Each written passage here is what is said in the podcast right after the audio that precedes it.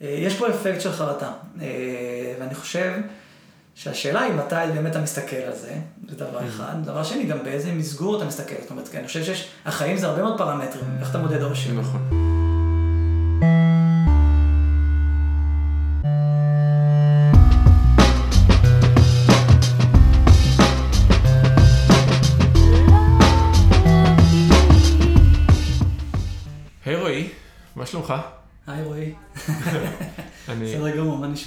בסדר גמור, אנחנו לאט לאט, כזה כמו דומינו של שמות, זה רועי רועי, ואז ככה נעשה כל פעם עד שנגיע לעוד שמות אה, דומים אחרים בווריאציה. כן, אחר כך רועי א'.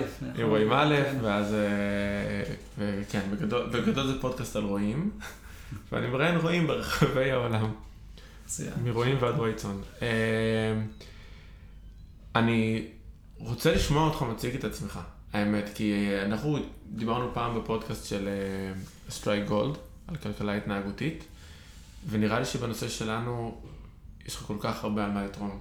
והייתי רוצה שתיתן איזה רגע שנייה למי שעדיין לא מכיר, מי שחוטא ועדיין לא מכיר, uh, תן בכמה מילים את עצמך. תמיד מביך. Uh, אז ייסדתי את Q לפני שלוש שנים.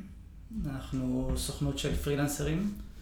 שמשתפים פעולה כדי לפתור בעיות עסקיות באמצעות הבנה מעמיקה של אה, התנהגות אנושית. אה, משלבים כוחות, זאת אומרת, הכוונה שכל אחד מגיע מרקע אחר של אה, חלק כלכלה התנהגותית, אנתרופולוגיה, עיצוב, והרעיון הוא לשלב מתודולוגיות בשביל לפתור את הבעיות המורכבות שארגונים מתמודדים איתן. שוב, כשהפוקוס הוא התנהגות. אה, לפני כן עבדתי בחברה שקוראים לה SIT, חברה שקיימת כבר 25 שנה, מתמקדים בייעוץ לחדשנות, הטמעת חדשנות בארגונים, יש להם מתודולוגיות מאוד מאוד מעניינות של חשיבה יצירתית. אה, ולפני זה עשיתי תואר שני בפסיכולוגיה קוגניטיבית. התזה שלי הייתה על הקשר בין בקרה קוגניטיבית, זיכרון עבודה ויצירתיות. אוקיי, שבגדול זה אומר ש-you're equipped עם כל חלק שצריך כדי להבין למה אנחנו מתנהגים, אה, או איך אנחנו מקבלים החלטות יותר נכון. נכון? זה, זה קצת מהכיוון הזה. כן, אז, אז יש פה שני, יש שני כובעים, אני חושב שנתמקד באחד מהם. כן. Uh, הכובע שלא נתמקד בו, זה הכובע של חשיבה יצירתית, mm-hmm. uh, שזה בעצם, uh, אתה מדבר הרבה על תקיעויות, אז כשאני צריך עכשיו לחשוב על מוצר או תהליך או משהו שהוא חדשני, פורץ דרך, הוא אחר mm-hmm. ממה שאני עושה היום, איך אני מגיע לאותם uh, רעיונות, ויש כלים, מתודולוגיה מאוד מאוד מובנית שעוזרת לך לעשות את זה. Mm-hmm. שזה כל העולם הזה של SIT, חשיבה המצאתית שתתית. מה שאני חושב שאולי כדאי לדבר עליו היום, זה מה שאני מתעסק כמו בשנים האחרונות, שזה נושא של קבלת החלטות, איך להניע אנשים לפעולה, מה מונע מאיתנו לקבל החלטות או לפעול אחרת. אני חושב שזה באמת ה... אחד הדברים שראיתי הכי הרבה כשהתחלתי לדבר עם אנשים לקראת הפודקאסט ולנהל כל מיני שיחות מסביבו, הוא באמת שלפני שאנשים בכלל מצליחים לדמיין את עצמם יצירתיים, הם לא מצליחים לדמיין את עצמם יוצאים מאיפה שהם עכשיו. כאילו יש להם מלא תירוצים, סיבות, למה, מתישהו, אחר כך, איכשהו, וחלק גדול מהם באמת נמצא כל הזמן בסיטואציה של אני עומד לשנות, אני רוצה לשנות, אבל נמצאים שם, הם כאילו גרים באזור הזה, הרבה יותר ממה שהם גרים באזור של מה אני אהיה. אה, אז אני חושב שגם ההפרדה הזאת היא מאוד מאוד נכונה ומאוד מאוד מעניינת. אה, אז, אז אני רגע רוצה לשאול אותך את השאלה, נראה שהיא שאלה גדולה. למה, איפ, איך אנחנו מקבלים החלטות? זאת אומרת, אני עכשיו תקוע. אני הגעתי לאיזה צומת, אני תקוע. א', איך אני מזהה שאני תקוע? שתיים, איך אני זז, מה מונע, אתה יודע מה יותר טוב, מה מונע ממני לזוז? מה מונע מאנשים לזוז? אוקיי, okay. זו שאלה טובה, ואני חושב שיש אני אתן לך רגע קצת אולי אה, סקירה תיאורטית או קצת מהספרות, ואז אה, אפשר לדבר גם על דברים יותר פרקטיים, כי אני חושב שזה העולם שנמצא בו היום. אבל הנושא שקלמן טברסקי, שאני מקווה שרוב המאזינים שמעו עליהם, כמה זכה פרס נובל לכלכלה ב-2002, הם בעצם החלוצים של הכלכלה ההתנהגותית. ובתיאוריית הפרוספקט שלהם, שהיא בעצם מה שזיכה אותם בזה, אה, בעצם מראים שהסיבה שאנחנו לא, לא עושים שינוי, אה, נובעת משני כוחות, שני אפקטים. אחד קוראים לו שנאת הפסד, mm-hmm. שזה בעצם אה, אפקט מעניין שבו אנחנו נמנעים יותר מהפסדים מאשר רוצים להרוויח. אוקיי. Okay. זאת אומרת, תן לי דוגמה. דוגמה. אה, מה מרגיש לכם יותר כואב, לאבד 100 שקל או למצוא 100 שקל ברחוב?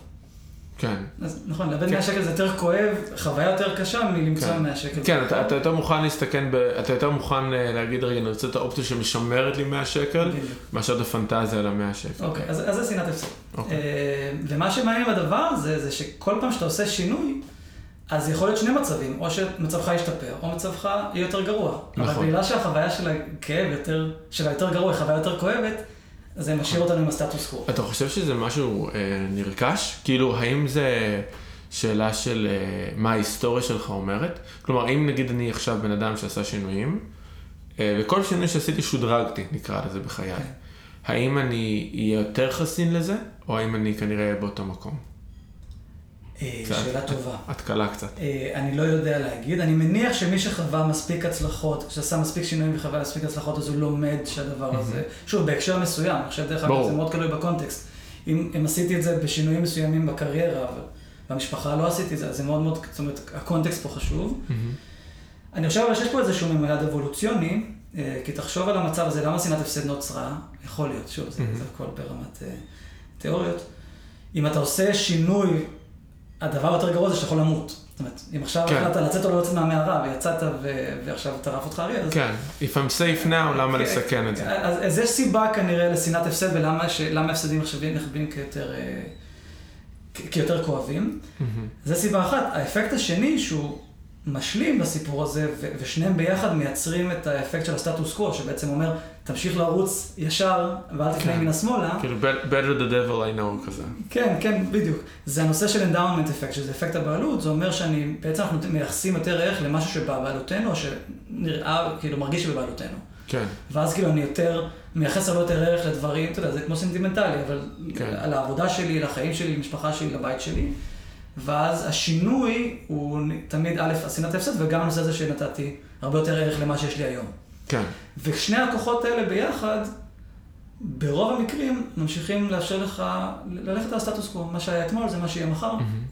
אה, אני, אני מדמיין את זה ככביש ראשי, אני רץ על איילון ואין אין צמתים, או יש צמתים, אבל בדרך כן. כלל הדיפולט שלי זה להמשיך ישר. כדי לשנות התנהגות אחר כך, אתה צריך אה, או שיהיה לך צומת T, כזאת שאין לך ברירה אלא לפנות ימינה או שמאלה, או כן. לייצר לעצמך כאלה צמתים אה, באופן מלאכותי. עכשיו. אז יש לך שאלה, אתה חושב שאין צמתים כאלה אוטומטית, או שיש פה איזשהו כוח מסוים? מה זאת אומרת? נגיד כמו שאתה אומר, אני רץ, אם אני רץ בשלוש אה, קמ"ש כזה, אם אני הולך, יכול להיות שאני רואה מלא פינות ויציאות החוצה. כשאני מפספס, כשאני במאה קמ"ש נגיד.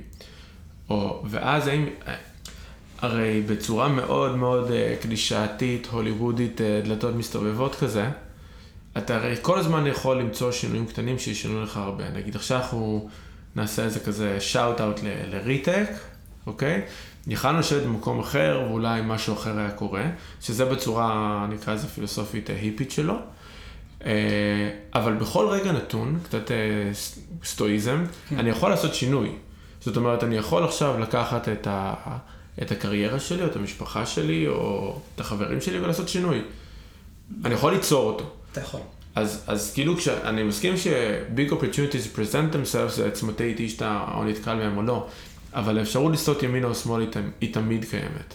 היא תמיד קיימת. ואני חושב שזה בדיוק הדיון המעניין. זאת אומרת, מה שתיארתי לך עכשיו זה למה אנחנו מתעלמים מצמתים כאלה. כן, ועכשיו השאלה הגדולה היא, וזה אני חושב אה, מתחיל להיכנס אה, לצד, אה, אני, אני רץ כמה, כמה שנים קדימה במחקר של כלכלה התנהגותית, הנושא של ארכיטקטורת בחירה, choice architecture, nudge, אה, והנושא של עיצוב התנהגות, behavioral design, הם בעצם מתודולוגיות או מודלים שהתפתחו בשביל, אנחנו מבינים למה אנשים לא זזים, או כן. למה אנשים מקבלים החלטות בצורה מסוימת. עכשיו בואו נעזור להם לרדת ימינה ושמאלה. אוקיי. בואו בוא נעזור להם, בואו נבין, כאילו, מהם ההטיות האלה שגורמות להם לעשות את הפעולות. ועכשיו, let's, אה, נעשה את זה קל יותר. כאילו, חלק מהדברים זה כאילו איך להקל עליהם, להקל עליהם במובן המנטלי. דרך אגב, הרבה מהדברים האלה, ריצ'רד טלר אה, מתאר את זה בספר שלו, נאג', כפסי האטה מנטליים. זאת אומרת, כן. השינוי הוא לא ש... כאילו, הוא, הוא, הוא, הוא כאילו, לפעמים זה ברמה קטנה כמו אה, לקרוא שלוש שורות, או, אתה יודע, דברים שהם יכולים להיות... כן, אה, לקרוא עשר עמודים אה, בספר ביום. כן, כאילו, יש דברים שהם נורא נורא קטנים, אבל הם נורא קשים לנו לעשות אותם, כאילו, ואנחנו רואים את זה סתם, הדוגמה הכי טובה זה הנושא של דיפולט, נכון? כאילו, ברירת מחדל. המחקר, כאילו, הניסוי הכי מפורסם זה זה שבאוסטריה יש 99% תורמי איברים, ובגרמניה 20% תורמי איברים. ואז אתה אומר, מה ההבדל? בגלל שפה אתה נולד תורם איברים, by default, ופה אתה צריך כן. לעשות את הפעולה הקטנה הזאת. אז בסדר, הנושא של תרומת איברים זה גדול, אבל זה קורה בכל דבר בחיים. כאילו, אתה... נכון. הולך על ברירת מחדל, כאילו, אלא אם כן, יש סיבה ממש טובה אחרת. כן. ואני חושב שזה העניין המעניין, זאת אומרת, מתי, איך לאפשר לאנשים את הסיבה האחרת הזאת, שממש ירגישו את ה... כן, איך אתה גורם למישהו בעצם ב... הרי ברוטינה שלך, אתה לא תמיד מרגיש, יש פעמים שאתה מרגיש תקוע ואתה מרגיש שרע לך, ואז, ואז נקרא לזה, למצוא מכאן את ה... את ה-cost effect ואת ה-pain aversion ואת כל הדברים האלה, את ההימנעות מכאב, זה טיפה יותר קל. נכון, כשרע לך, אז בעצם, אתה, בעצם עכשיו אתה מרגיש שכל כך רע לך. נכון. ש... ולכן אתה צריך לעשות שינוי, כי כאילו כנראה המצב לא יהיה יותר גרוע. נכון, אבל אז השאלה היא, אה, אתה יודע, בעיניי המון פעמים שואלים אותי על, על איזשהו נושא, ואני אומר, לא יודע, הכל בסדר. כאילו, ובאנגלית זה כזה פיין, נקרא לזה. אה, ופיין הוא האזור הכי מסוכן שיש. כי הוא מונע ממך להגיע לגרייט, נכון. והוא לא bad enough to make a change. זאת אומרת, I can handle, זה הבינוניות, נקרא, זה, זה, זה הרוטינה שהיא אה, לא רוצחת אותך. כנראה שהיא כן, אגב, כי אם אתה לא בעלייה, אתה, אתה יודע, זה כזה... נכון. רואים שאם אתה לא בגדילה, אתה בירידה. אה, כנראה זה נכון. אז, אבל ה fineness יש בו משהו מאוד מדכא. ורוב האנשים, אני חושב שהם חווים אותו באיזשהו down מסוים כזה. אה, יודע, הם קוראים לזה שגרה, שגרה רוצחת, כל המשפטים האלה. אז דווקא מה שאני רוצה לחקור אותך איתו, זה... כשכואב לי, אני יכול להבין איפה הצומת נמצאת. כן. עכשיו, זו שזו שאלה גם מעניינת, כי זה שאתה מרגיש שכואב לך לא בהכרח אומר שאתה יודע להתקדם לכיוון הצומת, שזו שאלה מעניינת בפני עצמה. אבל לפני שניגע בזה, הייתי רגע רוצה לשאול אותך דווקא על, ה, על הפיין הזה, על האמצע שאני כן. מניח שהרוב חיים אותו. אז אני אתן, אתן לך דוגמה אישית שגרמה לי בסוף להחליט לפני שלוש שנים לעזוב את מקום העבודה כשכיר ולהתחיל קריירה של עצמאי, שזה okay. אוקיי. מניח שכל מי שפה, אה, גם שכירים וגם עצמאים, מכירים עד כמה הדילמה הזאת היא, היא קשה, כי, mm-hmm. כי כשכיר יש את הנושא הזה של אולי אתה לא לגמרי מרוצה במקום העבודה שלך, אבל יש משהו שהוא פיין, נכון? זה יציב, ביטחון. כן. אה, וכעצמאי, אז אנחנו, ואני בעיקר חווה את זה בתקופה האחרונה, זה רכבת הרים, כאילו. Mm-hmm. כי השונות מאוד מאוד גדולה.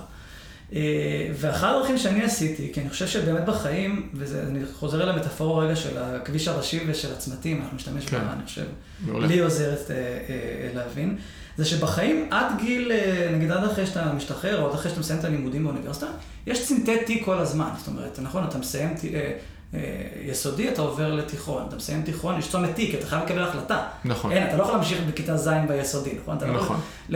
בסדר, אתה יכול להמשיך לי"ג, י"ד, עד מתי, כאילו. כן. אז בעצם תמיד יש החלטה שצריך לקבל, ואז מישהו הכריע בשבילך שצריך לקבל החלטה.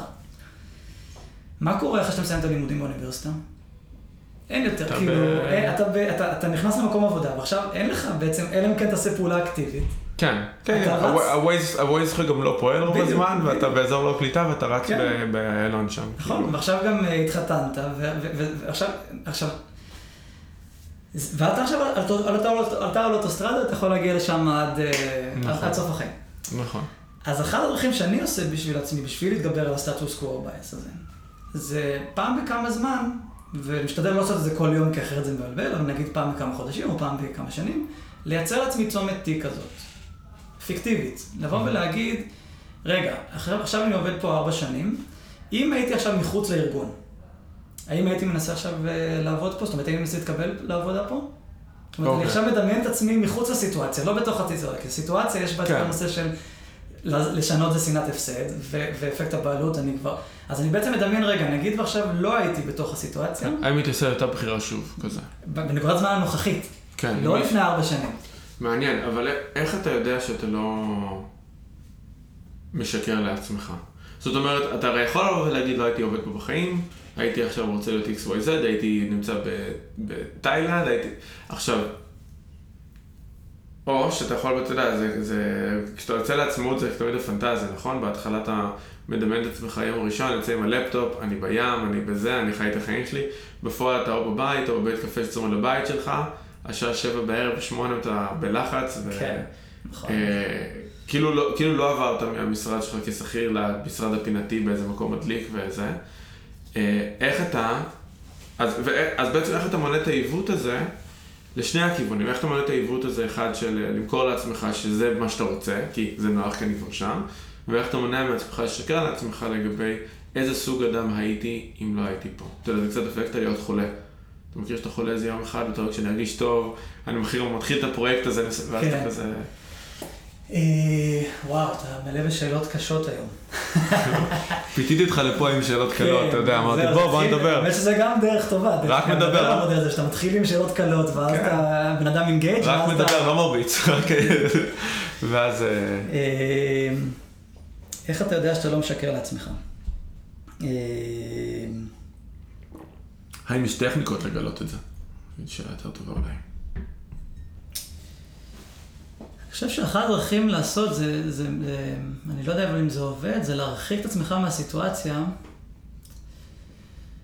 אה, אחת, אחת הטכניקות הטובות, יש, זה תיאוריות שמגיעות מעולם של מרחק פסיכולוגי, psychological distance. יש כאילו ארבע, ארבע דרכים, להרח, כאילו ככל שאתה יוצר, מצליח לחשוב יוצר בצורה יותר אבסטרקטית, יותר מופשטת, אתה בעצם מסתכל על הסיטואציה בצורה יותר קרה ורציונלית. ככל שאתה מסתכל על הסיטואציה בצורה יותר קרובה, אז, אז רגשות מעורבים, ואז... ויש כל מיני דרכים להרחיק את עצמך, יש ארבע דרכים בעצם. אחת מהן זה לחשוב על עצמך בגוף שלישי ולא בגוף ראשון. אחד עצמך זה לחשוב על עצמך בעוד עשר שנים לעומת מחר, כאילו יש כל מיני דרכים להרחיק בזמן, כן. במרחב, בקרבה המשפחתית. וכו'. שאתה לא צריך להתחייב ליום-יום, כביכול. כן, כאילו, שמעתי לא מזמן משהו מעניין אה, על מישהו שכתב ספר, אה, על, עכשיו הוציא ספר על, על פתירות פסיכולוגיות של מוסר. אה, והוא דיבר על זה, הוא דיבר על משהו מעניין, הוא הראה שכשאתה חושב על הסיטואציה בצורה קרה, אז אתה משתמש במוסר אה, תוצאתי. כאילו, עדיף שמישהו אחד ימות מאשר חמישה אנשים ימותו. כן. כשאתה מסת... מאוד מקרוב לסיטואציה, אז- ואתה רגשי בתוך הסיטואציה, אז אתה מסתכל על זה כמוסר, קורא לזה, אה, אונתולוג, דיאונטולוגי, שזה אומר, אסור לרצוח. כאילו, אתה מסתכל על כן. דברים ככללים, כאילו, ו... אה, זה, זה, היה מעניין, כי כאילו בעצם מה קורה? אתה מרחיק את עצמך מהסיטואציה, אתה חושב על זה בצורה יותר קרה. אז יכול להיות שאחת הדרכים להרגיש שאתה חושב על זה בצורה אובייקטיבית, זה להרחיק את עצמך מהסיטואציה. אה, קראתי לא מזמן איזה ספר שקוראים לו Decisive, אוקיי. והוא מדבר על חוק ה-10-10-10. תחשוב איך זה יגרום לך להרגיש בעוד 10 דקות, בעוד 10 חודשים ובעוד 10 שנים. מעניין. ואז הוא אומר, כאילו, אתה בעצם מרחיק את עצמך בסיטואציה לאט לאט, הוא אומר, נגיד עכשיו, הוא מתאר סיטואציה שאתה בא, אתה צריך לפטר אה, עובד.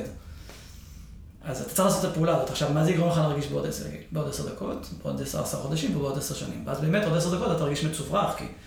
נכון. אבל אחרי 10 חודשים כנראה זו הייתה החלט, אולי החלטה נכונה, אם הוא באמת אה, לא מתאים, ובעוד 10 שנים אתה אולי בכלל לא תזכור את זה. נכון. אז אני חושב שזה כלי, לא, זה בעצם מבוסס על, ה, על המודלים האלה של, של הרחקה פסיכולוגית. כן, של אה, אזהרה כזה. כן, בדיוק, יש פה מודל של אזהרה. אה, אבל, אז אני חושב שזה דרך אחת, טכניקה אחת אה, אה, לגרום לך להרגיש שאתה יותר אובייקטיבי בסיטואציה, אבל זה בדיוק הנושא, אין, אין בסוף אובייקטיבי. אני חושב שזה אולי קצת מתחבר ל... אתה ממסגר לעצמך את הסיטואציה איך שאתה רוצה. זאת נכון. אומרת, אתה, דרך אגב, גם מה שדיברנו עליו, רווחים והפסדים, אתה מחליט, אם- כאילו, למה בעצם אתה יכול? להגיד שכל יום שאתה נמצא פה במקום העבודה, אתה מפספס משהו נכון. אחר, ואז אתה בעצם בקונטקסט של, וואו, כל יום אני בעצם חייב להניע עצמי מפעולה, כי אני מפסיד משהו. תראה, יש אה, שני דברים, יש בפילוסופיה סטואית, הרי ה-three ground rules הם כאילו perception, action, will. שאומר קודם כל perception, איך אני, תופ... תסתכל רגע על סיטואציה, תבין, דבר ראשון תבין איך אתה תופס אותה. הרי כשאתה מתייחס לסיטואציה, אתה אוטומטית שמת אה, תפיסה מסוימת, הרי, אתה יודע, הדוגמה הקלאסית, הקיצ'ית, יש גשם בחוץ, איזה חרא יש גשם בחוץ, או אה, איזה יום יפה, תראו איזה גשם יפה יש בחוץ, או זה יום, מה זה משנה אם יש גשם או לא, זה I will get wet, כאילו מה, מה הגשם עושה, הוא מרטיב אותך, זה טוב, זה רע, זה רק מרטיב אותך.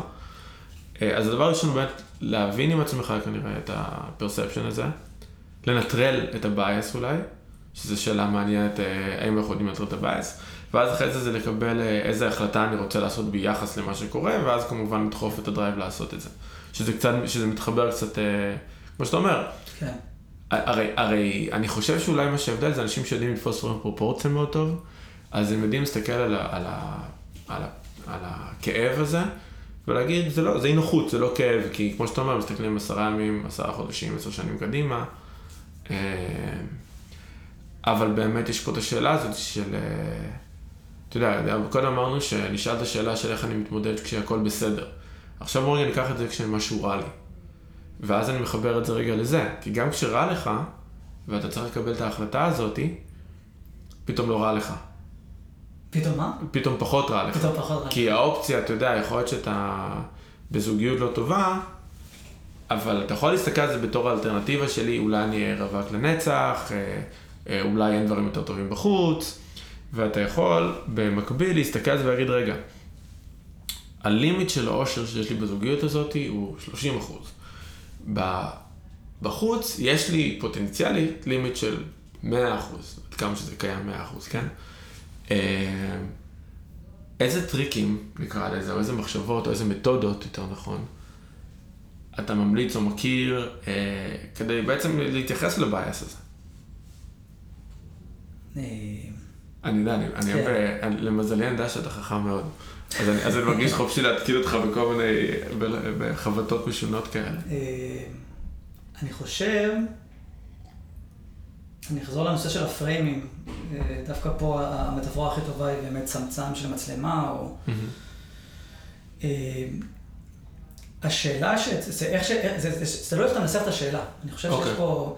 זאת אומרת, באותו ספר, זה כנראה ספר שמומלץ לקרוא, Decisive של האחים הית', הוא מראה ש teenagers, אבל לא רק teenagers, mm-hmm. חושבים על החלטות ככן ולא, כאילו, האם אני רוצה להיפרד מהחבר שלי, כן או לא? Mm-hmm. כאילו, זו שאלה בינארית כזאת. זה אפילו, זה אפילו לא החלטה, זה כאילו, אני רוצה ללכת למסיבה, כן או לא. כן. הם לא מסתכלים על ה-opportunity cost, שכאילו אומר, מה עוד, אה, איזה עוד דברים אני יכול לעשות אם אני לא אלך למסיבה. כן. כאילו, לפתוח את, ה, את הזה. אז אני חושב ש... ו, ודרך אגב, מה שהוא מראה בספר, שגם מנכ"לים מקבלים החלטה ככה. אה, לרכוש או לא לרכוש. כן. במקום להסתכל על, אם אני לא רוכש, לצורך העניין, איזה עוד אפשרויות יש לי לעשות עם, עם אותה... עם אותו כסף, עם אותו כן, זמן. כן, אז אני חושב שלגבי השאלה, איך שהצגת אותה, זה אה, לעזוב את הזוגיות או לא לעזוב את הזוגיות, אני חושב שצריך למסגר, לנסות למסגר את השאלה בכמה דרכים, זאת אומרת... אוקיי. אה, בתוך הסיטואציה, זאת אומרת, אני חושב שיש פה שאלה של... א', בתוך הזוגיות, מה אני יכול לעשות כדי שיהיה לי טוב. זאת אומרת, mm-hmm. או מה רע, זאת אומרת, לפתוח רגע את העולם הזה של, בתוך העולם של כן להישאר בזוגיות, מה כן אה, זה. ובתור, ואם אתה מגיע לעולם שלא בזוגיות, אז גם לפתוח שם את הסיטואציה. ואני חושב שזה פשוט פותח לך את הפריזמה, כי אם לא, אתה מסתכל רק כן לא. כן. והחלטות של כן לא הן מאוד מאוד, הן בינאריות, שחור לבן, ואתה רוצה איכשהו, הבעיה שלנו זה המסגור שלנו צר בדרך כלל בסיטואציות. Mm-hmm. ואתה רוצה איכשהו לפתוח את, ה, את אותו מסגור. אוקיי. אה, אז זה דרך אחת, ואז איך, איך לפתוח את המסגור הזה, זה לנסות פשוט לנסח את השאלה בדרכים שונות. כן. אה, זאת אומרת, לא האם לעזוב את אה, בת הזוג שלי, כי זו שאלה של כן ולא, אלא מה יגרום לי להרגיש טוב וזהו. זאת אומרת, באיזה תנאים או תחת איזה נסיבות אני מרגיש okay. אוקיי. טוב. אני חושב, ואז זה גם מייצר לך סוג של פעם אחת אתה יכול לעשות איזה פרספקטיבה חיובית, כאילו, תחת איזה נסיבות אני כן ארגיש טוב, אה, ובאיזה נסיבות אני כן אעזוב, זאת אומרת, ואז אתה כבר מתחיל לפתוח את זה יותר. כן, כי אתה גם מתחיל אולי לזקק יותר את המשמעויות. נגיד, יש, אחת השאלות הטובות תמיד זה מה האימפקט של ההחלטה. ואז אה, ניקח את זה רגע לנושא של השכיר עצמאי לדוגמה, כשאתה אומר, אני עצמאי, אני אעבוד עם הלפטופ מהים, מהזה, ואז אתה יכול להגיד, אוקיי, רגע, מה ה impact בפנטזיה? כאילו, מה מגניב אותך בזה? מה, מה, כן. מה הזיקוק של ההחלטה הזאתי? הרי לשבת על הים עם לפטופ זה לא נוח, דבר ראשון. כל יזם שניסה את זה, שפעם, כן. כאילו אפילו מקסימום לשבת עם הקינדל שלך. אני חייב להגיד שאתמול ישבתי ב Beach Hub. אה, ה Beach Hub הוא מושלם. אז עד אתמול הייתי אומר לך שזה נכון. לא, אבל הביץ' האב הוא מוכן, נכון, מוכן כן, לזה. אתה לא יושב שם באמצע השמש. אגב, מי שלא מכיר את הביץ' האב, מדובר במעין co-working space כן. פר יום, שנמצא ב... איך קוראים לה? ג'סר זרקה. ג'סר זרקה, נכון. שמנוהל על ידי מורן שהיא מדהימה, ואתם בעצם הולכים לשם, וזה co-working space על הים, אה, והוא ממש מומלץ בתור אה, לנקות הראש. לגמרי, לגמרי. היינו שם כמה וכמה פעמים, וזה... אתה, אתה כאילו... כן, יש איזשהו פרידום כזה, אבל נגיד גם פה אתה, אתה לא הולך עכשיו לחודש, אתה הולך עכשיו כן. ליום. ואז השאלה, וזה מעין חופש, זה חופש בתוך העבודה. אה, אבל השאלה, שהייתה לי, באמת שהייתה לי כזאתי, ספציפית. אה, אז באמת הזיקוק הזה של, כשאני מפנטז על הלפטופ בים, על מה אני באמת מפנטז? כן. האם אני בן אדם שכל כך אוהב את הים, ואני אומר לעצמי, הלוואי שכל ה settings שלי בחיים היה יכול להיות סביב הים? האם, ה... האם בעצם מה שאני רוצה זה שאף אחד לא ישאל אותי איפה היית היום, מקצועית? כן. אה, כי אז ברגע שאתה יודע אולי מה ה end game של זה, אתה יכול להגיד, רגע, איך אני עוד יוצר את זה. לגמרי. אני חושב שאתה צריך להסתכל באמת על המוטיבציה, ויש כל מיני, כנראה הרבה פעמים מוטיבציות Mm-hmm. שונות, ואז שווה אולי באמת כדי לדבר עם אנשים אחרים, בשביל לקבל את הפרספקטיבה שלהם בשאלות הספציפיות האלה. כי יכול להיות שמישהו אחר יצא להיות עצמאי, אז אתה מתייעץ איתו, אבל אז אתה מבין שהוא בעצם עשה את זה מסיבות אחרות. כן. אה, ואז זה לא, אתה צריך בעצם לשאול את השאלות הקשות הספציפיות של כמה פעמים ישבת בים, אם, אם זה מה שמעניין אותך, סתם אני אומר, כן. כמה פעמים ישבת בים בשנה האחרונה, או כן. אה, אם, אם מה שמעניין אותך זה ש, שבאמת אף אחד לא יגיד לך מה לעשות, אז לנסות רגע לשאול אותו בשאלות קשות, דרך אגב, וזה, וזה היופי, כן. לשאול שאלות קשות, כמו שאתה עושה, אה, בשביל באמת לחדד את הנקודה הספציפית הזאת, כי יכול להיות שאתה, כאילו, כשאתה להיות עצמאי, אתה חושב שבאמת אף אחד לא אומר לך לעשות, ואז בעצם הלקוחות אומרים לך מה לעשות, או, או לא משנה, אם, אם הקמת אז המשקיעים, או- זאת אומרת, אה, אז בסוף, בפועל אתה יוצא אותם באותה נקודה. אה, אז, כן. אז, אז אחד הדרכים, כמובן, פרספקטיבות שונות תמיד זה דבר חשוב, רק שצריך לדעת איך לשאול את השאלות, אני חושב, גם פה, ברור. איך לשאול את השאלה בשביל לקבל את התשובה, אה, את התשובה שאתה מחפש, כאילו, נגיד, אה, מה לא עובד, כאילו, מה, לשאול את השאלות, אה, כאילו, מתי, מה הדבר הכי מתסכל, כאילו, כן. מתסכל ודברים כאלה, ואז אתה אולי מגלה עוד ועוד אה, רבדים שלא זיהית בהתחלה, ואז זה מאפשר לך לקבל אולי החלטה יותר שקולה. כן. אה, זה... זה... יש מימד נוסף שהוא, בוא נקרא לזה... כי הרי אנחנו מדברים פה ואנחנו כאילו מזקקים את זה לאיזושהי אובייקטיביות מסוימת. כי זה כמעט בוא תעשה רשימה, תשיג את המידע שאתה רוצה, אבל בסופו של דבר, אנחנו כמו שאמרת קודם, גם מנכ"לים מגיעים לכן או לא. וכנראה שיש שם איזשהו אלמנט אה, נוסף אה, רגשי, that fucks us over כל פעם מחדש. כן. אה, אתה יודע, יש בספר של מלקום אה, גלדוול, אה, לדבר עם זרים, לא יודע אם... קראתי ספרים אחרים שלו, דווקא את זה לא אז- קראתי. אז, אז אחד הדברים שהוא מתאר שם הוא שכששופטים בבתי משפט מבקשים לראות את הנאשם, כי הם רוצים להסתכל לו בעיניים, להרגיש אותו, הם עושים את כל ההחלטות הלא נכונות. וככל שהם יותר מתבססים על דאטה, הם מקבלים החלטות יותר מדויקות. אתה חושב שזה גם נכון, נגיד, בקבלת החלטות כאלו? כי נגיד, הרי עכשיו באנו ואמרנו, כמה פעמים אתה בים, טה טה טה, טה, כאילו קיבלתי את ה... את ה, את ה נקרא לזה את המסמך היבש שלי, את הסקופ, את הספק שלי על, על איך זה החיים כעצמאי. כן. האם, או איך, יותר נכון, בתוך הקבלת החלטות הזאתי, אנחנו משאירים מקום לזה שבסוף, אתה יודע, זה כמו עם ילדים, שזה, על הנייר, ילדים זה קטסטרופה. כן, כאילו, איך זה ילדים, אתה לא ישן, אתה מרגיש כן. לך שלך למישהו אחר, אתה נכון. מוגבל, אתה בסטרס, אתה בזה, לצאת מהבית עולה לך 300 שקל by default כי אתה צריך בייביסיטר, נכון. בלה בלה בלה בלה. אבל אז תמיד מגיע המשפט שאני תמיד קורא לו משפט האשמה. אבל אין, מש, אבל רגשית, מה שזה ממלא אותך, שזה מעין כזה התלוננתי רבע שעה, ואז אני צריך דקה אחת שזה כן. כאילו... אל... אבל זה נכון, הדקה הזאת היא אמיתית, כי זה באמת שווה איזה משהו שהוא לא מוסבר ב- על הנייר. איפה אתה חושב שיש מקום, או איך אפשר לשקלל את זה פנימה בתוך ה- הבייסים כן. השונים? תגידי אם אני מבין את השאלה שלך נכון. אה, בעצם זה מין איזה מאזניים כאלה של עד כמה אני משתמש ב-hard data כזה, ועד כמה gut feeling. אה, זה כמה... גם, זה גם שאלת מאזניים וגם שאלת אה, איך אתה בכלל אה, מכניס את זה לפרוסס. אוקיי. אז אני אלך עוד פעם לספרות, כי סתם, זה דרך לא, טובה, לא, לא, גם אני- חושב שזה מעשיר את אה, אותנו ואת המאזינים, וגם אני אדבר רגע ב- בהקשר האישי שלי. אה, דניאל קנמן בספר שלו לחשוב מהר לאט, שגם אני ממליץ עליו מאוד, אה, מדבר על זה שבעצם מתי הגת, מתי כדאי להסתמך על החלטות, ב- על הגת פילינג ומתי לא. אה, החלטה שאתה מקבל אותה הרבה פעמים, ואתה מקבל עליה פידבק מיידי, אה, היא החלטה שכדאי ללכת על הגת. אוקיי. בסדר? איפה שיש פידבק ואיפה שיש הרבה מאוד החלטות שחוזרות על עצמם, הגת הוא ממש טוב. ככה הוא מתאר איך מלמדים אנשים למען אפרוחים. די נורא, אני גם צמחוני, אבל בסדר, הוא מראה שהדרך לעשות את זה זה שלא אומרים שום דבר, זאת אומרת, אומרים לבן אדם, מישהו, מאסטר כזה, שמסתכל על מי שממיין, וכל פעם שהוא עושה טעות, אפילו לא יודע להסביר לו למה, אבל נותן לו מכה כל פעם שהוא עושה טעות. שהוא ממיין את האפרוחים החולים ואת הבריאים, אז הוא צריך... Okay. אוקיי. ובעצם הם לומדים את זה מתוך ניסוי וטעייה ופידבק, ואין שם שום דבר, הוא לא יודע להסביר מה הוא עושה.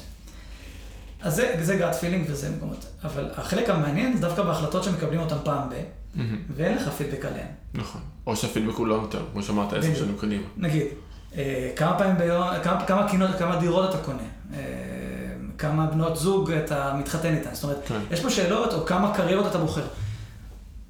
אתה יודע, פעם אחת, פעמיים, שלוש, גג. אז, אז, אה, אז בעצם זה החלטות שאתה בעצם מקבל אותן פעם באף פעם. אין, להם, אין לך פידבק עליהן, או שאתה בקושי יכול לקבל פידבק, והן ההחלטות החשובות באמת. נכון, כן, הן הדרמטיות. ושם ההטיות, בעצם וה gut feeling, הוא, הוא, יש לו מקום, אבל הוא לרעתך הרבה פעמים. זאת אומרת, אני, אני לא פוסל אותו לגמרי, אני חושב ש... אה, אבל, אבל ה gut feeling זה נושא הזה של ההטיות. בעצם שם, והנה מה אמרת, כן. מה זה הסטריאוטיפ הזה? זאת אומרת, למה נאשמים, למה שופטים, אה, הרבה פעמים עושים טעויות עם הנאשמים? כי אנחנו שופטים.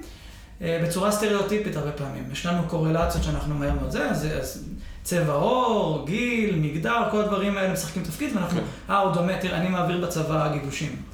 אנחנו ממיינים ליחידה, אה, ליחידה, ליחידה מיוחדת, ואתה כל הזמן בין איזשהו משחק כזה, כל הזמן אומרים לנו גם, hard data, תרשמו בפנקס, תרשמו, תרשמו, תרשמו, ויש שם את הצד של הגת.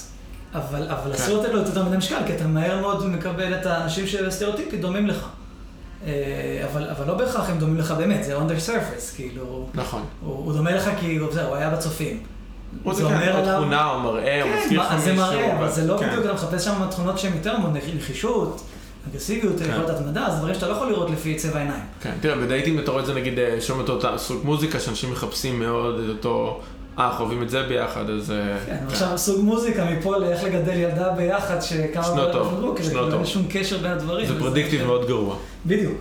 אז אני חושב שהגישה שלי, ואני מאמין, אתה יודע, לספרות של מדעי ההתנהגות וזה, שבהרבה מאוד מקרים gut feeling זה מוביל להטיות וכשלים לוגיים וכולי, mm. אה, ואז hard data כדאי להסתמך עליו מאוד. כן. ויש מקומות שבהם גאט פילינג הוא יותר חשוב. אה, עכשיו, איך לשלב ביניהם זה שאלת השאלות.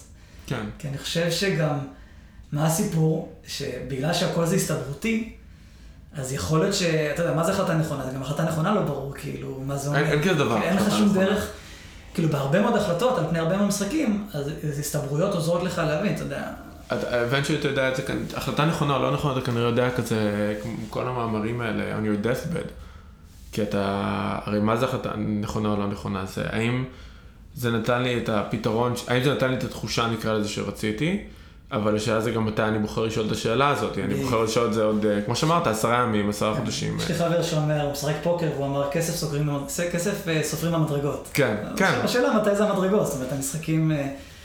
אני חושב שזו שאלה מאוד מאוד אה, נכונה, מתי אתה, מאיזה נקודת מבט אתה מסתכל על זה, ומתי אתה מסתכל על זה, ואני חושב שאתה יודע, הצרכים שלך משתנים לאורך השנים, ולכן... אבל זה, אבל זה מזכיר לי עוד נקודה מעניינת, אני חושב, הנושא של חרטה. אוקיי. Okay. רגרט. שגם את זה יש עוד בספרות, ובעצם אחת הסיבות שאנשים לא עושים פעולה, זה שאם אתה עושה פעולה אקטיבית... אתה מפנטז על החרטה שתהיה לך. אז לא, יש לך אה. סיכוי יותר גדול לחרטה. כי אם לא עשית פעולה, אז, אז אתה פחות מרגיש איתך, כאילו לא עשית כלום. אם, קרה, אם קרה, להתמודד אתה גם לא לוקח לא... אחריות על עצמך, כי אני חושב שיש פה איזה עניין של לקיחת אחריות. זאת אומרת, אם עשית פעולה, ועכשיו אתה מתחרט על זה, אז אתה יכול להאשים את עצמך, רק את עצמך, כי עשית פעולה. נכון. אם לא עשית פעולה, אז אין מקום לחרטה. כן, אני... יכול להיות שרע לך, אבל רע לי כי החיים... החיים דפקו אותי, כן, כאילו, החיים כאילו- דפקו אותי לעומת, קיבלתי החלטה לא טובה. אז אני חושב שזה מעניין, כאילו, האקטיביות והפסיביות בהקשר הזה, זה אולי קצת מתחבר למה שפתחתי איתו עם שנאת ההפסד ואנדאומנט. אה, יש פה אפקט של חרטה, אה, ואני חושב שהשאלה היא מתי באמת אתה מסתכל על זה, זה דבר אחד. דבר שני, גם באיזה מסגור אתה מסתכל. זאת אומרת, אני חושב שיש, החיים זה הרבה מאוד פרמטרים, איך אתה מודד אושר. נכון. אה, אז אתה יכול להתמקד בפסיכולוגיה חיובית. זה אני פחות מכיר את המחקר, אבל תמיד אומרים לך להסתכל על חצי הכוס המלאה מן הסתם, ולמצוא את הדרכים שבהם אתה מסגר לעצמך את המציאות, שבה לא משנה מה קורה, אתה חיובי כלפי זה, ואז, אתה יודע, המחשבה מייצרת מציאות במוקרן. כן. פחות מכיר את, המוק... את המחקר הזה, את הספרות הזאת, אני לא... אז אני חושב שבאמת יש פה כמה שאלות מעניינות אה, לגבי הנושא של גם מתי אתה מסתכל על זה, אה, וגם הנושא של... ושוב, אתה יכול, אם הסתכלת על gut feeling מול hard data, זה גם עוזר לך קצת, אתה יודע, אני, אני עובד עם ארגונים היום, בדיוק על הדברים האלה, זאת אומרת, הם הרבה פעמים, לא, לא תמיד, אבל במקרים יש gut feeling, כאילו הם חושבים ש-XYZ קורה, ולכן מקבלים החלטה, ואני מגיע ואני אומר, בואו, אני אעזור לכם להבין את הסיבות ההתנהגותיות שאומרות מאחורי הנטישה של הלקוחות, או מאחורי למה אנשים לא כן. משלמים על זה, או למה אנשים לא מזינים מידע. בסדר, זו שאלה התנהגותית. אני בא עם הדאטה, גם איכותני, גם כמותי. אני חושב שזה עוזר להם לקבל את ההחלטה. כי אז הם יודעים להגיד, אוקיי, עכשיו יש לי את הנתונים הכמותיים, הגרפים היפים וזה, ועכשיו יש לי גם את הגאט פילים, ועכשיו אני משלב ביניהם באיזשהו אופן. אה, אבל יש לי עכשיו את שני הדברים האלה, ואז אני יכול להגיד להם, תשמעו, יכול להיות שגאט פילינג שלכם הוא לאזור הזה.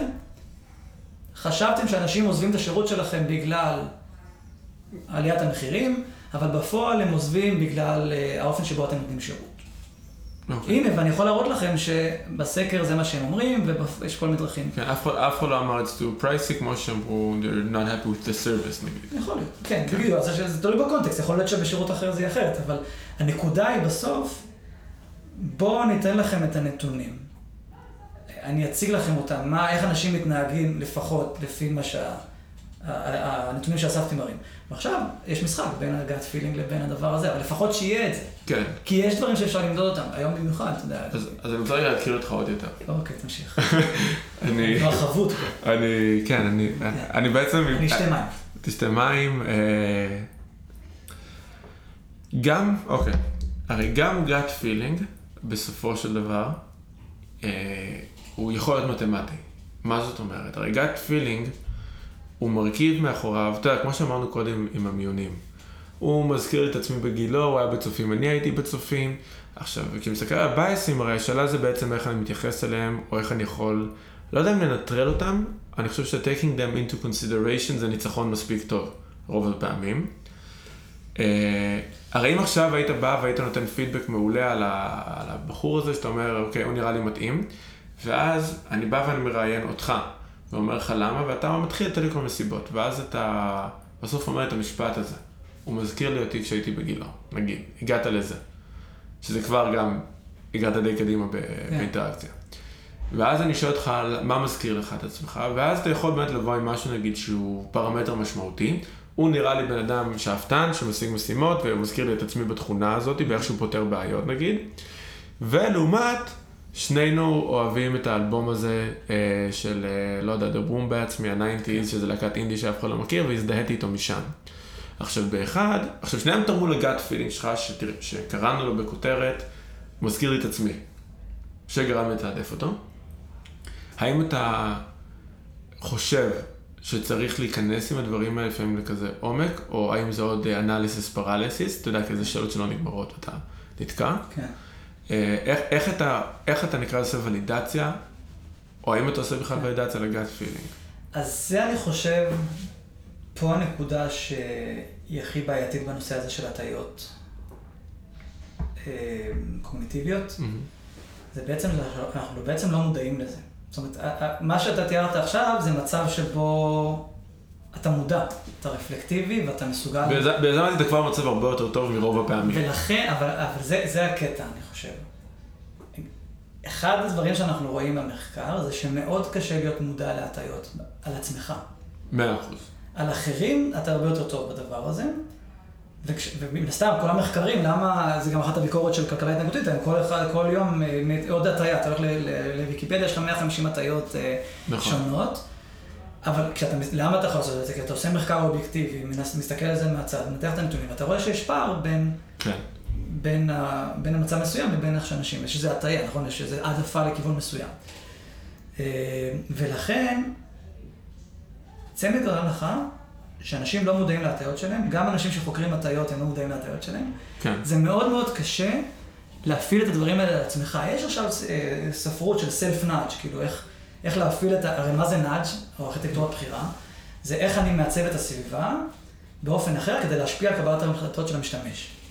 אני כן. רוצה שהוא ישקיע, אה, לא יודע, אה, יחסוך לפנסיה, רוצה רוצה לעשות דיאטה, אז אני יודע להשפיע, לייצר את הסביבה, לא יודע, אני רוצה שהוא יעשה דיאטה, אז יכול להיות שאפילו עושים friction, לשים את המתוקים גבוה, ואז כן. אתה יודע, לעלות בכיסא וזה, זה מספיק, זה פס האטה יש לזה מנטלי. מחקר בגוגל, במטבח שלהם, שהם בגוגל הבחינו שהעובדים שלהם שמנים, יותר ממה שהם רוצים שיהיו כנראה, או שזה נהיה בעיה.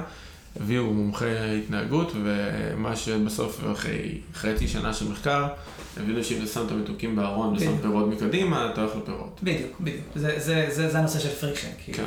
וזה דברים קטנים, כאילו זה לשים בארון, או לשים בזה, מאחורי מגירה. או... נכון, שרובנו לא מבינים איך זה משפיע עלינו, וזה משפיע עלינו בטירוף. עכשיו, אתה לא, בדיוק, באופן מודע אתה אומר, מה, לשים את זה מתחת למגירה, זה...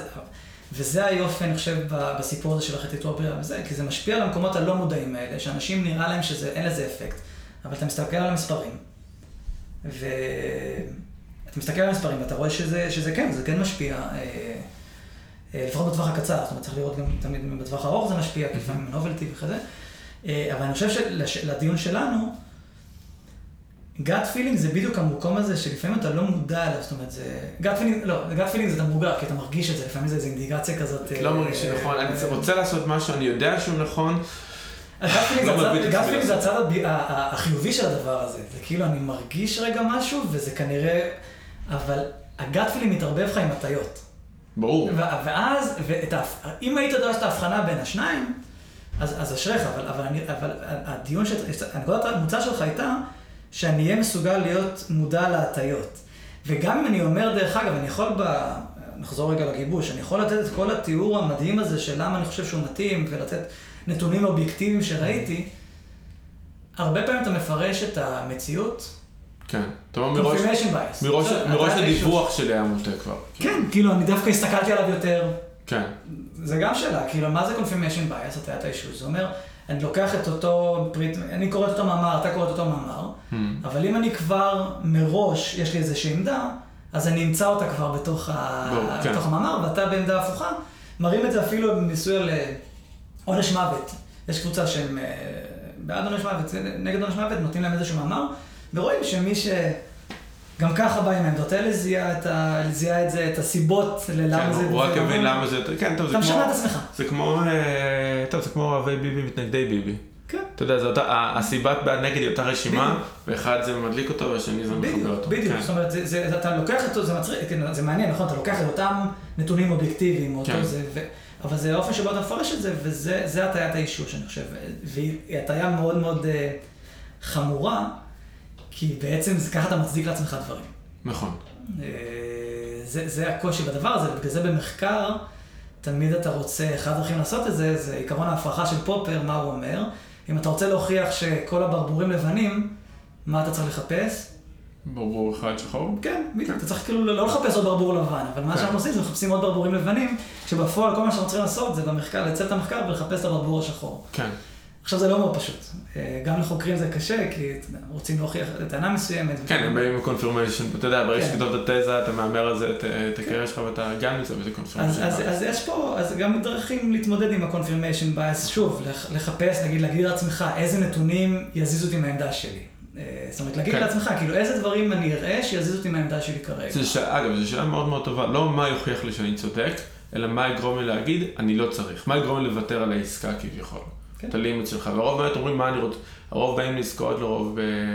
זה גם לא בדיוק מדויק, כי הרוב באים תמיד בכיוון שאני רוצה ככה וככה וככה, כשלרוב הוא לא קונקרטי, הככה וככה זה, כן. אבל הם לא שואלים את עצמם מה הבן השני יכול להגיד שיוריד אותי מזה. ואז מפספסים המון דגלים אדומים.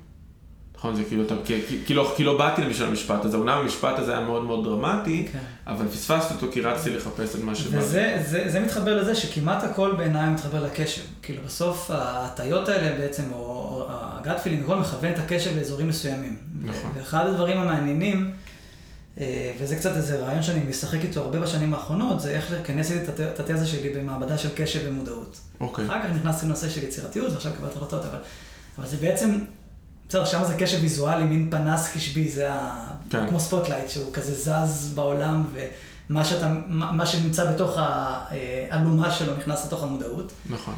אבל תחשוב על זה, זה גם, כאילו, גם ביצירתיות וגם בחשיבה ביקורתית וגם בקבלת החלטות, זה בעצם, עם הפנס שלך באזור מסוים, אתה מפספס מלא מאוד, מלא מלא מלא נכון. מידע. נכון. בזן ובודהיזם זה משם בא Zen mind, beginner's mind.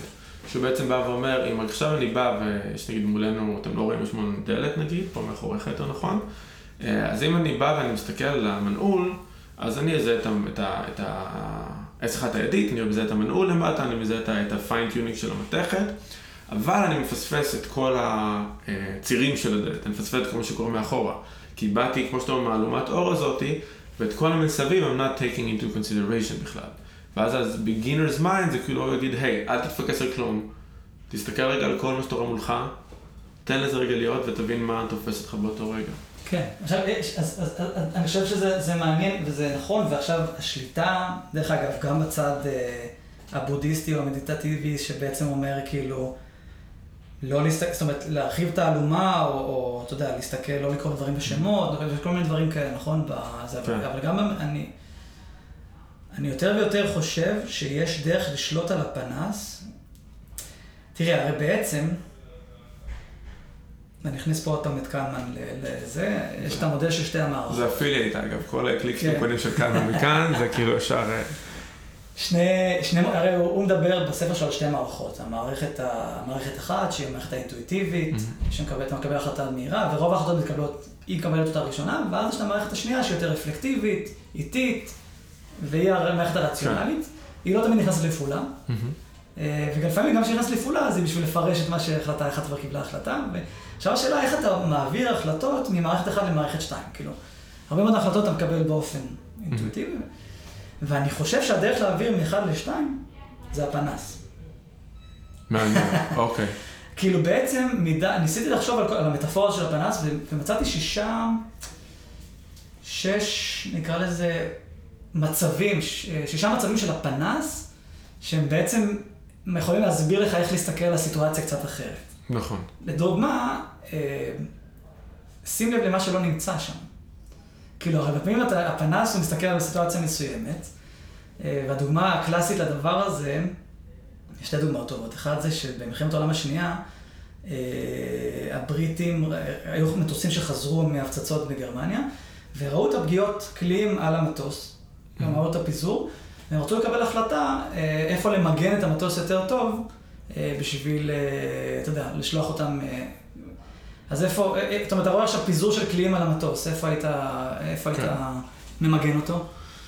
תראה, מצד אחד, התגובה האוטומטית שזה יגיד לך איפה שיהיו את הקליעים, נכון. כי obviously יורים לשם יותר. מצד שני, אני מניח שאלה שלא חזרו קיבלו את הירי איפה ש... אה, זאת אומרת, כנראה שמי שפגע במקום שאני לא רואה את זה, כן. הוא כנראה לא חזר. בדיוק. אז, אז זו הנקודה. אז זאת אומרת, בהתחלה האינטואיציה הייתה, טוב, בוא נמגן, יש פה הרבה קליעים, אבל כן. בעצם קוראים לזה survivorship bias. Mm-hmm. שבעצם יש, אתה לא מסתכל על המדגם הנכון, כי, כי יש לך מדגם שלם שנקטע לך כל, כל המטוסים נכון. שנפלו. ובעצם זה נכון, כי למה המטוס נפל? כי הוא קיבל פגיעה ישירה. במנוע שאתה לא רואה, כאילו. או במטייס. כן. אז זה נגיד הנושא של pay attention to what isn't there. כאילו, אתה בסיטואציה הרבה פעמים מסתכל ישר על מה שיש שם. כן. תנסה רגע לראות מה... וזה משרלוק הולמס, יש איזה בספר סילבר אה, בלייז, אני חושב, לא, לא קראת את הספר, אבל זו דוגמה נורא מעיפה, זה שאומר... Uh, המקרה המוזר הוא שמישהו פרץ לבית והוא אמר, uh, והוא אמר, יש משהו שגורם לך לחשוב, אז הוא אומר, כן, הכלב. אבל הוא אמר, אבל הכלב לא נבח. הוא אומר, בדיוק בגלל זה. זאת אומרת, כן. כאילו, חוסר, האי נביחה היא הדבר המעניין פה. נכון, נכון. אז, אז אני חושב שיש פה מצב אחד של הפנס, הוא להסתכל על משהו, ואז באמת להסתכל ברמה יותר ממוקדת, כמו שאתה אמרת, רק על המנעול, זאת אומרת, זה קצת, אני חושב שהגישה של SIT, שאני לא אדבר עליה, אבל של יצירתיות, זה לפרק נגיד דברים למרכיבים. אז ב... אתה מסתכל על מרכיבים ולא על מערכת, וכשאתה מסתכל על זה ברמת המרכיבים, נשברים הרבה מאוד קיבעונות. אה, אבל זה לשיחה אחרת, או נמליץ לך עם מי לדבר. אה, יש ספר שנקרא Multiplier, שמדבר על סוגי מנהלים. הוא אומר שאחד הדרכים שבהם מנהלים טובים אה, מרחיבים את הדיון, הוא שהם כל פעם בוחרים נקודה אחרת להגן עליה. ואז נגיד אני פעם אחת בא ואומר לך, החלטה א' היא נכונה כי א' אני מגן בחירוף נפש, ואז אני אחרי רבע שעה שיחה אומר, סטופ, החלטה ב' היא ההחלטה הכי טובה, ואז אני רב עליה. ומה שקורה שזה גורם לכולם לשנות את דעתם, כי הם צריכים להגן על החלטה אחרת. ואתה פתאום מוצא עצמך בין מסתכל על פרוז והקונט בצורה מאוד מאוד שונה, כן. ואתה מקבל תמונה טיפה יותר מלאה. אבל לפני שאנחנו מסיימים, כי אנחנו מתקרבים כבר לסוף שלנו, כאילו לא בצורה דרמטית של הפרק, בימי קורונה אי אפשר לדעת. אה, כי יש, יש איזשהו סטפ הבא, קיבלתי החלטה לשינוי. ראיתי את הפרמטרים, biased, לא biased, עשיתי החלטה טובה, לא. איך אתה עושה שינוי? baby steps, את ה... אתה, אתה יודע, יש את, את הסיפור הזה עם ה... לא זוכר, המפקד של הצבא שלו, שהיה מגיע למלחמה והיה שורף את הספינות, הוא אומר, כן. there's no way back. כן. אמ, אז אני אתאר לך גישה שאני איתה שהיא דווקא של baby steps, אבל אתה, זו שאלה שאתה, אתה מתפרץ לדלת פתוחה. כי אני כן. הרבה מאוד חושב, במיוחד בעקבות הקורונה, mm-hmm. שבעצם יש שני סוגים של שינוי, ומעניין אותי לדעת באיזה תנאים עדיף להשיג על זה, שכמו שאתה אומר, מהפכה, או קרתה שרפה, קורונה, אה, שזה שינויים שאין ברירה. כן. והצד השני, וזה המודלים של בי.ג'יי פוג, של עיצוב התנהגות, שהוא מדבר דווקא על צעדים קטנים. זאת אומרת, הוא אומר, יש לו מודל מאוד מעניין שמראה שבסופו של דבר, כדי לשנות התנהגות, יש שלושה דברים שצריכים לקרות בו זמנית. אוקיי. מוטיבציה, יכולת וטריגר. אוקיי. זאת אומרת, כדי אה, לגרום לך לעשות פעולה, אתה חייב ששלושת הדברים האלה יתקיימו ביחד. אני נותן את הדוגמה של, אה, נניח, אה, לא יודע, מישהו מצלצל בדלת, זה שליח פיצה, אני נורא רוצה לפתוח לו, אז, אז יש, יש טריגר, אה, ואני גם נורא רוצה, יש מוטיבציה, אבל מישהו ממש ממש כבד יושב עליי כרגע. אוקיי. אז אין לי יכולת, אז לא תקרה פעולה, נכון? כן. עכשיו, יכול להיות מצב אחר שבו אני, יש לי יכולת, אף אחד לא יושב עליי, מישהו מצלצל בדלת, אבל זה עוד פעם הנודניק כזה שמנסה להתרים כן. לאיזה מטרה ש... אז, אז יש יכולת, יש טריגר, אין מוטיבציה. Mm-hmm. אתה לא עושה פעולה. והדבר השלישי זה, אה, יושב שם שליח פיצה. לא, לא מצלצל בדלת. אז כאילו, אני מת לאכול, יש יכולת, יש מוטיבציה, אבל אין טריגר, אז אני לא עושה פעולה. כן. No contact delivery. אז אני חושב שזה, אז, אז המודל שלו הוא מודל מעניין. א', כי הוא מראה בעצם שאם אתה לא מצליח דרך המוטיבציה, דווקא דרך היכולת. ואז הוא מראה שנגיד אתה רוצה לרוץ מרתון. לרוץ מרתון זה דבר מסובך. אם אתה בטח כל היום יושב מול הנטפליקס ולא לא זז, אז, אז, הוא אומר, baby steps הוא מדבר על tiny habits, כאילו, תתחיל כל יום או פעם בשבוע ללכת, ללכת חמש דקות. כן. אתה, אתה כבר ברוטינה של חמש דקות, עכשיו תרוץ חמש דקות. עכשיו, והוא אומר, זה הדרך שלך לעשות שינוי התנהגות. זאת אומרת, הכל בצעדים קטנים, ואתה כל פעם צריך לעבוד על היכולת ועל המוטיבציה, ולייצר טריגרים כאלה שבסופו של דבר יובילו אותך לזה. וזה מודל מאוד מאוד מעניין. יש את הצד השני, ודרך אגב, מה שדיברתי על ארכיטקטורה בחירה ו nudge הם קצת בעולמות האלה. זאת אומרת, זה כן. שינויים קטנים כאלה שמייצרים אימפקט גדול, אבל תמיד... push קטן, אני עושה, אני בונה את ה-habit step by step, ואני כאילו כל פעם מרחיב אותו. ומצד שני, ואנחנו רואים את זה בקורונה, זה כאילו, מצד אחד, קטסטרופה, זה יצר הרבה מאוד, אבל זה בעצם אין ברירה. ואתה נכון. רואה בכל מיני מערכות, שפתאום נגיד, כל הזמן דיברו על digital transformation, דברים כאלה, פתאום אין ברירה, וזה קורה. נכון. וזה מאיץ תהליכים שלא קרו לפני כן. אה, ואז אתה אומר, יכול להיות שבחיים לא הייתי מגיע למצב הזה, אלא אם כן הייתי שורף את הספינות, או, או הדבר כן. הזה. אני רואה, סתם, אנחנו עכשיו, פנה אלינו איזה לקוח אה, מהודו. פתאום זה הכריח אותי, כאילו, בגלל שאנחנו צריכים לייצר, לייצר חומרים ש, שבקיו לא ייצרנו מעולם, כאילו, מצגות ו-case studies, דברים כאלה, רק... עכשיו, פתאום אני אומר, למה אני לא מייצר את זה באופן מלאכותי? פעם בכמה נכון. זמן להגיד, פנה אל הלקוח אה, מארצות הברית עכשיו, או מאיזה... למה, כאילו כל פעם לייצר כאלה, ואז זה יניע אותי, אה, עכשיו בגלל שזה מלאכותי, אז כנראה שאני קצת אה, כן. מבלף, אבל פה לא הייתה ברירה, כאילו יש דדליינים, ואתה נכון. מתחיל להזיז את זה, אז אני חושב שיש פה שאלה מעניינת, מתי באמת לעשות את השינויים ההדרגתיים האלה, המודל של בי.ג'יי פוג, המודלים של ארכיטקטורה, אבל אתה חושב שזה... אבל זה לא מתחבר לך קצת, אמרת, אתה אמרת קודם משהו על חרטה, על אקטיבי לעומת פסיבי, כי הרי מה שתיארת פה, יש הבדל בין לשרוף את הספינות, כן? לבין נשרפו לי הספינות. כן. עכשיו, בקורונה וכל אלה, זה פסיבי. מה זאת אומרת? קרה לי. נכון. I can make the best out of it. אני, אני יכול, אגב, גם לא. אני יכול גם כן. להיקבר לי ו... ו... אבל קרה לי משהו. וקרה לי משהו, no, זה, אתה יודע, כמו שאמרת, no regrets, כאילו, את, ה, את הפסיבי הזה, זה קרה לי. ניק קייב אמר את זה, ב... יש לו סרט שנקרא One More Time with Feeling, והוא מדבר על, ה, על המוות של הבן שלו. והוא מדבר על זה שאנשים לא משתנים, אבל מה קורה אם קורה לך משהו כל כך נורא או כל כך משפיע, שאין לך ברירה שאתה הופך להיות מישהו אחר. כן. ואז הוא ממש מדבר על הגרסה של עצמו, הוא אומר בגרסה החדשה שלך אתה אולי לא שומע כל כך טוב. ואולי בגרסה החדשה של מי שאתה, אתה גם בן אדם שמעשן, וקודם לא היית בן אדם כזה. כן. ויש פה את הפסיבי באמת ואת האקטיבי של האם אני מוכן, הרי לשרוף את הספינות זה הגרסה הקיצונית של האקטיבי. כן. האם אני מוכן, מהיום, אני רץ כל יום, שעה, and to make the decision. אתה יודע, טוני רובינס מדבר על זה ש... שזה כבר התחלה גרועה למשפט, אבל טוני רובינס מדבר על זה ש... Uh, decision זה בעצם, זה, זה לחתוך, uh, הוא מפריק את זה, לא זוכר מה, מה, כן. לא זוכר מה המקור ביוונית או whatever, שזה לחתוך משהו שהיה קודם. זאת אומרת, אני לא רץ, אני בן אדם שרץ. ואתה חייב אה, לשרוף את הספינות ואין גרסה שלך שלא רצה. כן. השאלה זה באמת, אה, כמו שאתה אומר, אם... כשאני פסיבי אז אין לי ברירה, ואני מרגיש גיבור, אגב, כשאני מתגבר על הסיטואציה. כן. אחרי הקשו עליי התגברתי, לעומת אה, אני עכשיו צריך להקשות על עצמי, כן. כי זה כואב לעשות שינוי. כן, אז אני חושב שזה מתחבר לתחילת, ממש, זה, זה סגירת מעגל מעניינת, אני חושב, כי זה בדיוק הנושא של איך אתה, ממסגר, איך אתה מנסה למסגר לעצמך את הסיטואציה, כאילו, אתה אומר, נכון, אם זה קרה לי, אז אין לי ברירה, ואני עכשיו, ואנחנו רואים שהרבה פעמים, דרך אגב, הקורונה זה דוגמה קיצונית, זה קורה פעם במאה שנה, כן. אבל... אה, על השעון מסתבר. כן, אז כמעט, לא? ב-1918 היה את הספייניש כן, כן, אה, שבת הספרדית. אה, אבל אני חושב, זה בדוגמאות יותר פשוטות, נכון? אתה מביא, אריאל המתוקה נולדה לפני תשעה חודשים. אני מאוהב בקשות, אבל השינוי שנדרשנו לעשות מלפני ואחרי, הוא לא שינוי הדרגתי. נכון. זה פצצה שנופלת עליך ביום בהיר אחד. אה, אתה, אתה מתכנן אותה, אתה יודע, אתה תשעה חודשים אה, חושב שאתה יודע למה אתה הולך, אבל אתה לא. אז אני חושב שזה דוגמאות שקיימות כל הזמן, זאת אומרת, יש איזו דוגמה מעניינת ב... בלונדון, אני חושב שזה היה בצרפת, פתאום היו שביתה, הייתה שביתה במטרו, mm-hmm. ואז אנשים היו צריכים למצוא different routes. כן. ואז הם גילו שבעצם יש דרכים יותר קצרות להגיע לעבודה. מטורף. כאילו, אתה כבר עשר שנים נוסע באותה דרך, ורק השביתה הזאת גרמה לך להבין שיש דרכים אחרות לעשות את זה.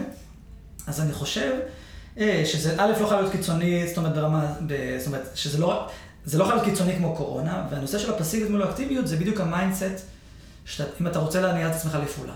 תמסגר לעצמך את הסיטואציה בצורה מלאכותית, שבו אין ברירה אלא לעשות זה, כי כאילו דמיינו מצב, שאין יותר זה.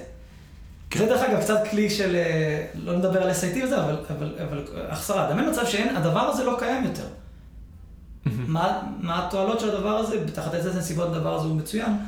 לשחק עם ה-limitations כאילו. כן, כן, כן, constraints. constraints foster creativity, זה בדיוק זה, זה לשיח אחר. כן, אבל זה, אבל זה בדיוק הנושא הזה, זאת אומרת, אתה בעצם צריך לדמיין לעצמך עולמות אפשריים אחרים, בעזרת האילוצים שאתה מייצר. ואתה בעצם, הקורונה דוגמה מאוד מצוינת, כי אני חושב שכשהייתי עושה את התרגילים האלה ב-SAT לפני זה, והייתי אומר להם, דמיינו מצב שכל הלמידה היא מקוונת. אנשים היו צוחקים, כאילו, זה לא, הרי זה... כן. אין בתי ספר. והנה, והנה עכשיו. כן, אז, אז, אז אתה אומר, לפעמים אתה לא, קשה מאוד מאוד לדמיין את, את האפשרויות האלה. נכון. דרך אגב, עכשיו יותר קל, בגלל הקורונה, יותר קל לדמיין את הדברים האלה.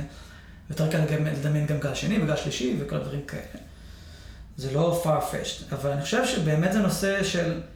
הפסיביות והאקטיביות בסוף זה עניין של המסגור. אתה רוצה למסגר, בשביל לעשות שינויים גדולים, יכול להיות שכדאי למסגר לעצמך מצב, כי הסטטוס קוו, בסוף אתה תשקע. נכון. כאילו, זה נושא גם של קניבליזציה, נכון? כאילו, מה קרה לקודק? הם המציאו את הזה, נכון. אבל הם... הם אז, אז נורא קשה, כאילו, לעשות את הדבר הזה. מהלך שהוא רגשית, אתה, אתה מדפיס כסף, ופתאום, אבל ברור שמתישהו... מישהו צריך לבוא ולהגיד לך, ומה אם לא? כן, ולחשוב על הדבר הזה בדיוק, שדמיין מצב שעכשיו כל המתחרים שלך יצאו עם המצלמה הזאת.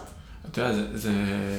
כדי, כדי לסגור את השיחה שלנו, אני רוצה להגיד שזה מאוד מעניין, כי, אתה, כי התמות האלה חוזרות בווריאציות, והן כאילו מהדהדות לאורך אה, ורטיקלים, ואתה יודע, וכל... שוב, בפילוסופיה סטורית, אז אחד התרגילים שאתה, שעושים, זה כאילו מתחיל נעים, לעצום עיניים, תנשום עמוק, עכשיו לדמיין שכל מי שאתה אוהב מת. או שכאילו קרה לך הדבר הכי נורא שיכול לקרות לך. כן. עכשיו תרגיש את זה, תרגיש את החוסר אונים, את הכאב וזה, מה אתה עושה עכשיו?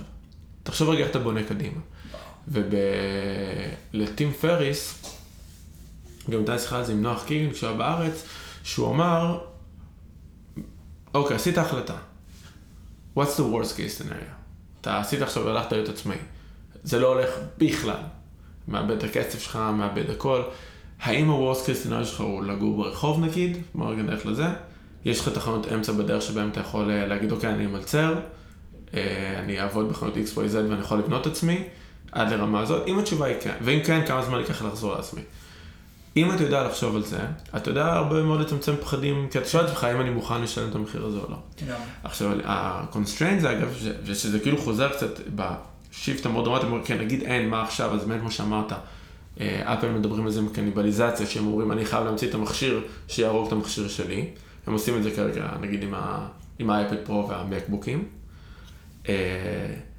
ובמוזיקה, אחת הטכניקות ה, ה, כדי ללמוד כלים ובהפקה, זה להגיד, אוקיי, אתה גיטריסט, תנגן סולו ויש לך רק מיתר אחד לעבוד איתו. ובהתחלה, וזה כמו שריר, אגב, גם בסיטואציה, אתה כאילו, בסולו שלך קצת עקום, ואתה מרגיש, אין לי מה לעשות. יש חמש דקות פנימה לתוך זה, גילית אה, עומק אחר לגמרי. כן.